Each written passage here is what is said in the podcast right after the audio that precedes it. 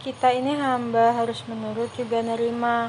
Apa pun yang Tuhan beri harus kita terima dengan sukacita, seperti saat kita menerima nikmat dan karunia-Nya. Semua harus kita syukuri karena pasti ada kebaikan di sana. Apa pun yang terjadi, selalu bersabarlah dan berprasangka baiklah pada Tuhan, karena padanya lah tetap kita bergantung dan meminta pertolongan.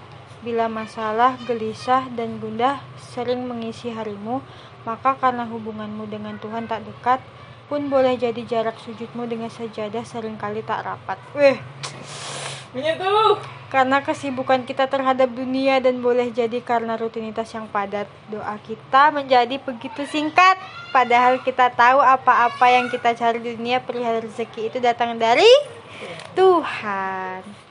Bila kewajiban sering kali kita abaikan dan acap kali kita sepelekan, maka tak ayal bila hidup kita pun sering tertimpa ujian dan cobaan.